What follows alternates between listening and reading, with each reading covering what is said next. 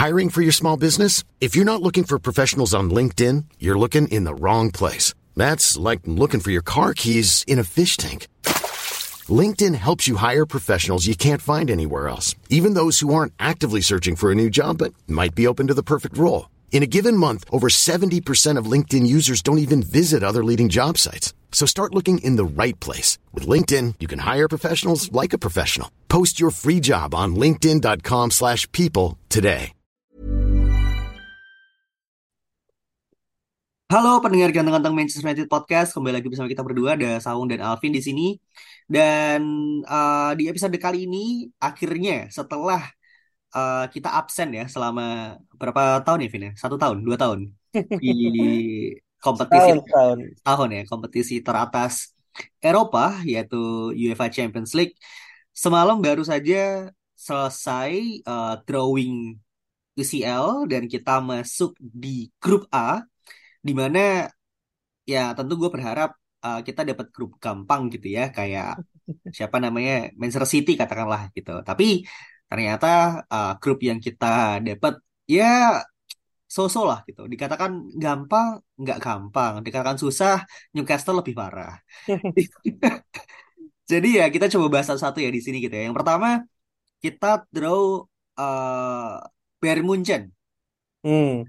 Uh, sebuah tim yang menurut gue sekarang uh, diperkuat oleh Harry Kane pun, tapi bagi gue sendiri masih belum cukup meyakinkan gitu. Maksud ini uh, bukan Bayern Munchen yang yang sebelum-sebelumnya gue uh, tahu gitu loh yang sangat mendominasi dan segala macamnya gitu. Bahkan ketika mereka menang uh, Bundesliga kemarin kan sangat tipis ya. Kalau nggak salah cuman beda gol kalau nggak salah atau beda satu poin gitu atas uh, Borussia Dortmund gitu. Jadi memang tim ini gue pribadi sih cukup pede gitu untuk menghadapi Bayern Munchen gitu. Kalau lo sendiri gimana, Vin? Wah, kalau mungkin sebenarnya pas drawing kan itu kita kayaknya masih take ya kemarin ya Ya, tentang ya. tentang apa ya? Ya itulah, gue lupa kita bahas oh bahas Arsenal kan gitu. Mhm. Nah, pas ada nama MU, gue tuh sebenarnya pinginnya tuh dapetnya Feyenoord kan, karena ya menurut gue paling gampang gitu kan. Cuma ternyata Feyenoord tuh udah diisi sama Atletico Madrid kalau nggak salah gitu. Aha. Nah, jadinya gue tuh berharap, aduh, pilihannya antara Munchen, Napoli, sama apa gitu, gue lupa gitu. Pilihannya udah gak ada yang enak tuh gitu. Ya. Ya kan, terus tiba-tiba dapetnya Munchen, gue kayak, wah anjing gitu. Ya apa ya, satu sisi, satu sisi kayak, ini mungkin agak predicted karena eh, biasanya MU kan selalu dapetnya tuh tim-tim raksasa kan. Kita nggak pernah Mhm. dapet drawing yang mudah gitu. Dibandingkan sama Manchester City yang drawingnya kayak ada tim yang kita aja bacanya nggak tahu bacanya apa kan Ya. gitu. gitu. Tapi kalau kita tuh pasti selalu ada at least satu tim yang emang tim raksasa gitu. Jadi dengan Munchen, eh, Munchen menurut gua bagus ya. Maksudnya meskipun kemarin eh, goyang, musim ini juga kayaknya dari sisi kepelatihan ya, itu Ya. strateginya juga belum terlalu oke, tapi tetap aja gitu. Individunya tetap bagus. Ada Kim Min-jae, ada Harry Kane, tengahnya juga kayaknya nanti mau ada si Joe Palingnya. Palhinha kan dari. Fulham gitu. Ya. Kemudian nanti Kimmich bisa ma- lebih masuk ke depan gitu. Jadi menurut gua sejelek-jeleknya Munchen tetap aja bahaya gitu. Jadi Ya. ya kalau kita bisa menang yang lain kalah sekali lawan Munchen di Allianz itu masih nggak apa-apa sih. Tapi gua harap MU bisa melawan ya gitu. Iya, iya, iya, betul. Dan tentu harusnya ada ini ya, eh, apa namanya, motivasi berlebih lah gitu, khususnya bagi pemain-pemain dan juga eh, pelatih, bahwasanya eh, target top target mereka seperti Harry Kane dan juga Kim Min-jae ini kan sudah salah arah gitu ya dengan bergabung ke Bayern Munchen gitu. Jadi memang kita harus eh, kasih mereka kesadaran lah bahwa ya klub yang cocok buat lo itu seharusnya ya United gitu. Tapi kita tentu tidak bisa sepenuhnya menyalahkan mereka gitu karena pertama eh, apa namanya manajemen kita sangat buruk dan yang kedua memang kita nggak punya duit jadi ya harus dihadapi di atas lapangan ya beda Iya. iya. ya ya ya dan eh, oke setelah Munchen ada FC Copenhagen gitu di mana satu tim ini ternyata diperkuat oleh adiknya Rasmus Rasmus Højlund men Iya, betul. ini gimana nih Eh, lo punya eh, apa namanya insight-insight menarik ya tentang Copenhagen ini Copenhagen ini yang gue inget dulu kita pernah lawan ya pas zamannya ada Berbatov, ada Ronaldo tahun 2009 gitu. Ya. Itu kita menang kalau nggak salah di home 3-0 tapi di Copenhagen kita kalah 1-0 gitu. Karena mungkin eh, apa namanya ya di sana kan dingin ya gitu. Jadi Aha. ketika kita udah memasuki bulan November, Desember itu juga adalah tempat yang nggak mudah gitu karena dengan eh, cuaca yang dingin ada kemungkinan rumputnya pun juga pada akhirnya harus rumput sintetis gitu. Mhm. Sama kayak misalnya kita main di Rusia kan dulu kita lawan CSKA Moskow atau lawan apa Lokomotif Moskow ya yang gitu-gitulah itu kan kita Ya. selalu kesulitan gitu kalau away kan gitu. Mau menang ataupun menang tipis atau kalah gitu itu udah biasa karena pe- pemain di sana udah terbiasa sama situasinya tapi kita belum terbiasa gitu. Nah, Ya.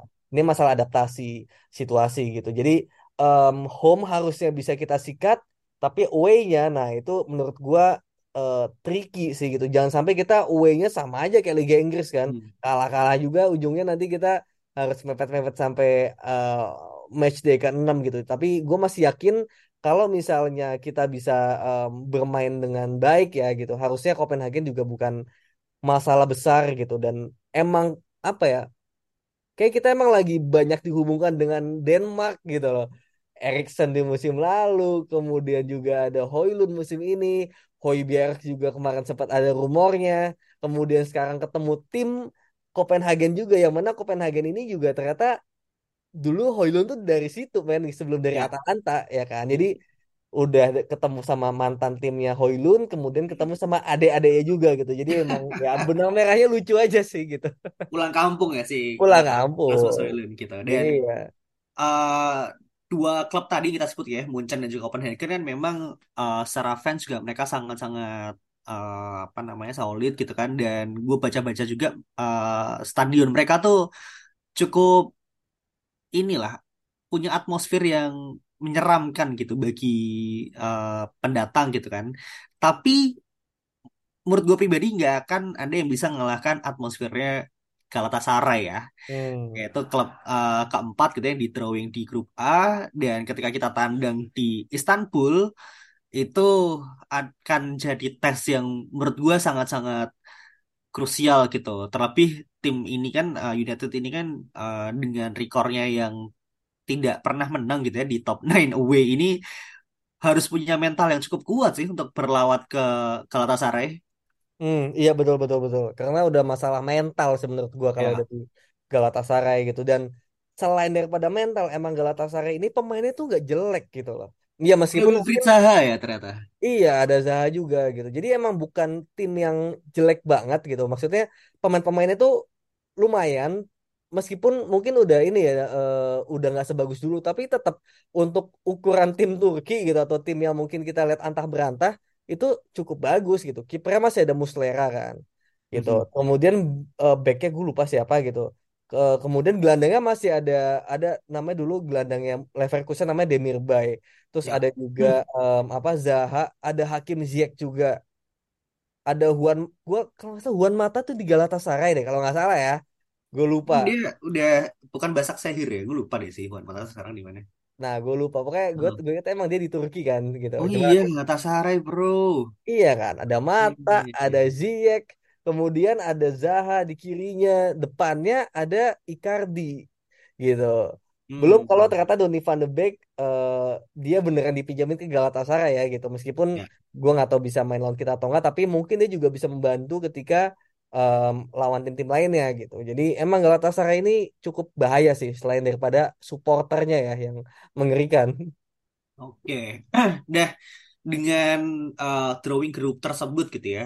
uh, realistically speaking, Van, dengan uh, deadline day yang hampir tutup ya di jam 6 pagi nanti, um, kita so far udah dapat Altai Bayindir gitu kan untuk backup keeper, kita udah dapat Sergio Reguilon dan uh, Sofyan Amrabat akhirnya juga udah here we go, Hmm. udah 99% confirm untuk ke United gitu. Nah, potentially lo melihat United bisa lolos nggak dari grup ini? Wah, ditanya lolos sih udah pasti ya. Menurut gua ranking satu pun bisa-bisa aja menurut gua Oke. ya. Asal memang pada akhirnya di laga-laga home ini bisa maksimal, away pun nggak memalukan lah kasarnya gitu. Kayak Hmm. ya misalnya kita imbang sekali lawan Galatasaray, kalahnya lawan Munchen gitu. Ya menurut gua bisa aja Munchen kalah lawan Galatasaray kan gitu. Jadi menurut gue masih sangat mungkin apalagi pemain-pemain ini kita udah jauh lebih bagus lagi daripada musim Oke. lalu gitu kayak ternyata di deadline day ini kita bisa datengin pemain-pemain yang apa ya ya sangat nge-upgrade lah kasarnya gitu ya Mhm. apalagi kipernya Bayindir ini kan dari Fenerbahce kan gitu yang Iya, ada motivasi tersendiri lah tuh dia. Iya, dia wah langsung diteriakin tuh sama fans Mhm. Galatasaray gitu. Jadi kita nggak tahu apakah ya dia cukup kuat mental nantinya kan, meskipun mungkin dia nggak akan main anyway gitu. Tapi seru kalau ternyata dia bisa main karena misalnya kita udah lolos gitu kan. Terus nanti yang main Bayindir lawan Galatasaray itu bakal seru sih. Oke. Nah, kalau gue sendiri sih berpikir mungkin eh dengan apa ya, dengan squad yang kita punya sekarang gitu dan bagaimana kita bermain di best-best moment kita ya terutama gitu dengan eh, pertandingan big games memang bisa sih. Kalau misalkan setidaknya gitu ya kita dapat 15 poin tuh harusnya bisa banget sih. Dengan kalah satu kali di mungkin Allianz gitu kan atau mungkin imbang di sana terus eh, imbang juga di Galatasaray gitu. Tapi eh, yang jelas minimum eh, apa namanya requirement-nya ya lo harus lolos gitu. Gue bahkan akan sangat-sangat kecewa gitu kan apabila United harus turun ke Europa League gitu. Karena em, udah bukan saatnya sih ya kita berkompetisi di Europa League gitu. Iya, Jadi memang eh, kayak apa ya di Champions League musim ini menurut gua cukup menarik gitu. Karena ada beberapa tim yang memang baru eh, join gitu kan. Seperti RC Lens, seperti Newcastle bahkan. Ya, Jadi kesempatan ini sangat-sangat terbuka sih untuk United bisa bisa apa ya eh, go through lebih lebih jauh lah di kompetisi ini sih kalau gue pribadi ya. Jadi harapan gue setidaknya setidaknya United bisa lolos di quarter final tuh menurut gue sangat-sangat oke sih di musim ini. hmm, iya. Quarter final tuh maksudnya maksimal kita ada di quarter final berarti ya. Minimal sih, Vin. Oh minimal. Minimal, minimal harusnya ada di quarter final gitu. Jadi untuk step menuju ke sana tentu kita harus lolos dulu kan gitu di grup ini Iya, gitu. iya, Terus iya. iya. eh, butuh luck sih untuk kita dapat drawing eh, apa namanya 16 besar gitu ya yang bagus ya. Jadi nggak kayak musim lalu yang tiba-tiba 32 besar aja dapat Barcelona kan agak sampah gitu. Untungnya kita lolos kan.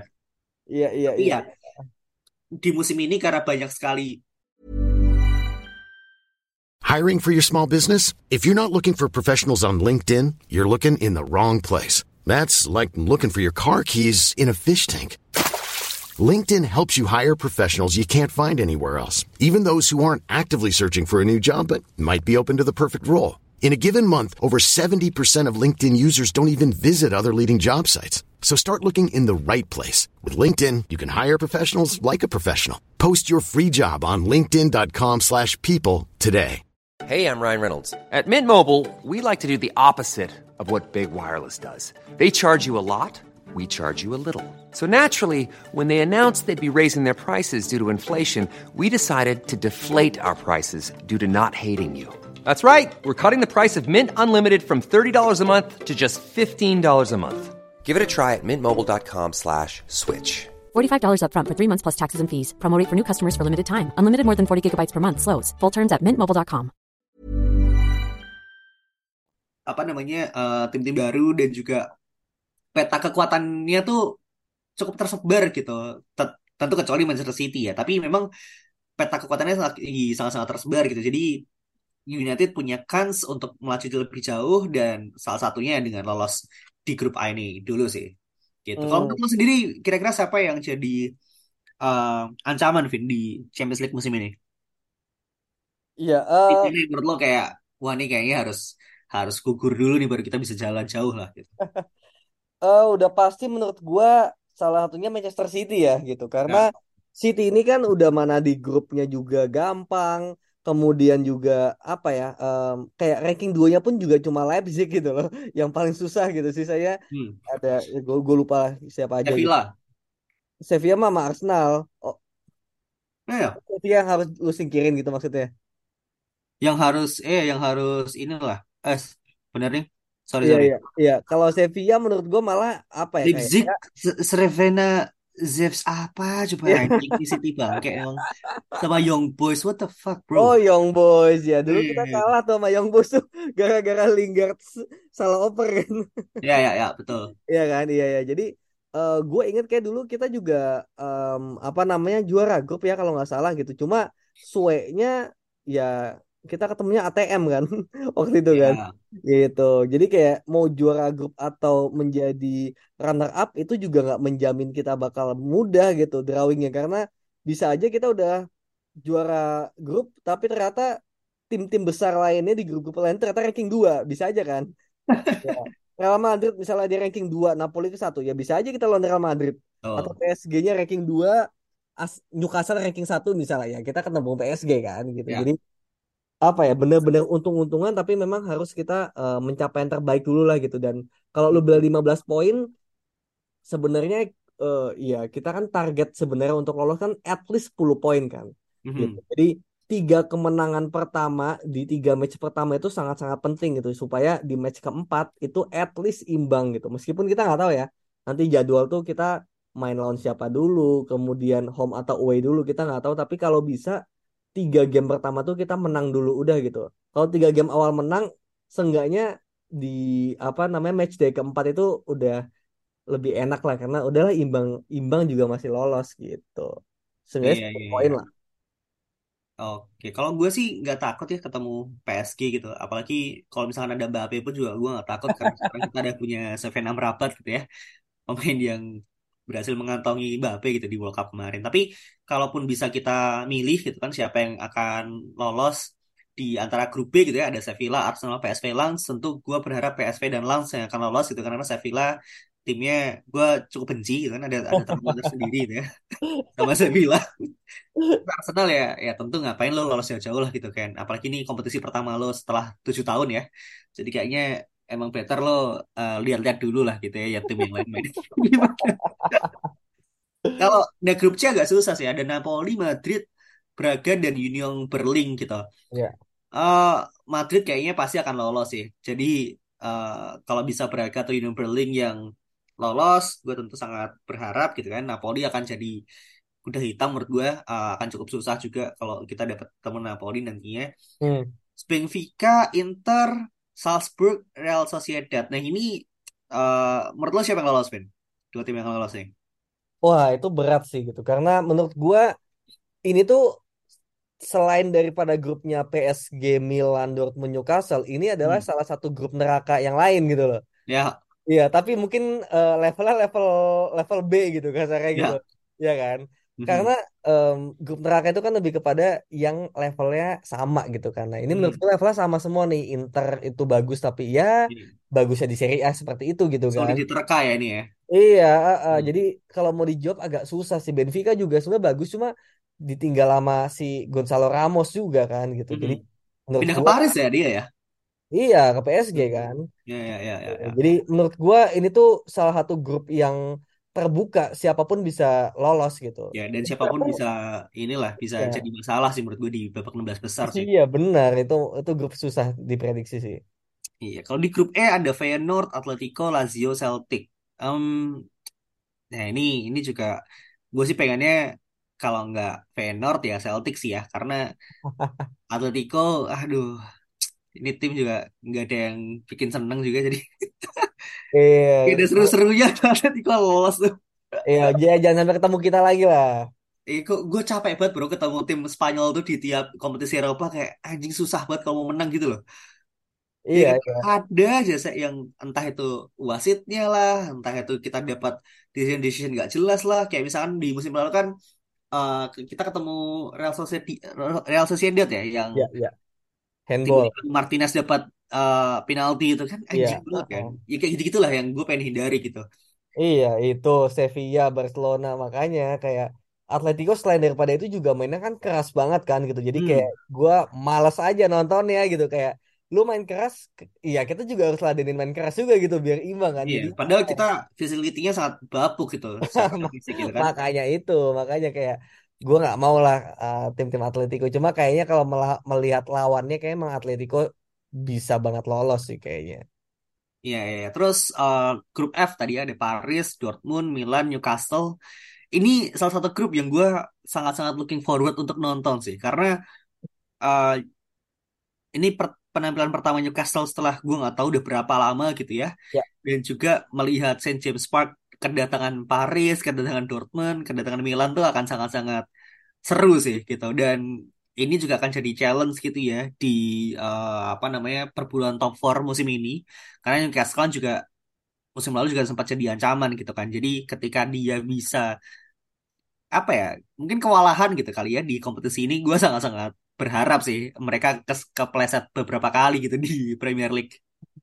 Iya bener-bener. Pasti pasti bakal kepleset sih. Karena gue lihat juga Newcastle apa ya timnya juga nggak terlalu tebel ininya nah, apa kedalamannya ya kasarnya gitu. Kayak oke ada ada beberapa yang bagus gitu. Cuma kayak di back gitu backnya juga nggak banyak juga gitu. Trippier gitu Trippier juga hmm, nggak ada cadangannya cuma Livramento doang masih muda dan kualitasnya jauh banget kan gitu. Jadi hmm, lu nggak mainin Trippier di di Liga Champions kan sayang juga gitu. Tapi di Liga Inggris pasti keteteran dia gitu loh. Kalau betul. misalnya harus main full gitu. Jadi gue yakin Newcastle bakal goyang kayak lu harus milih antara lu mau jauh di Liga Champions atau lu bertahan di Liga Inggris gitu ya Ya ya betul. Dan lanjut ke grup G ada City Leipzig susah nih.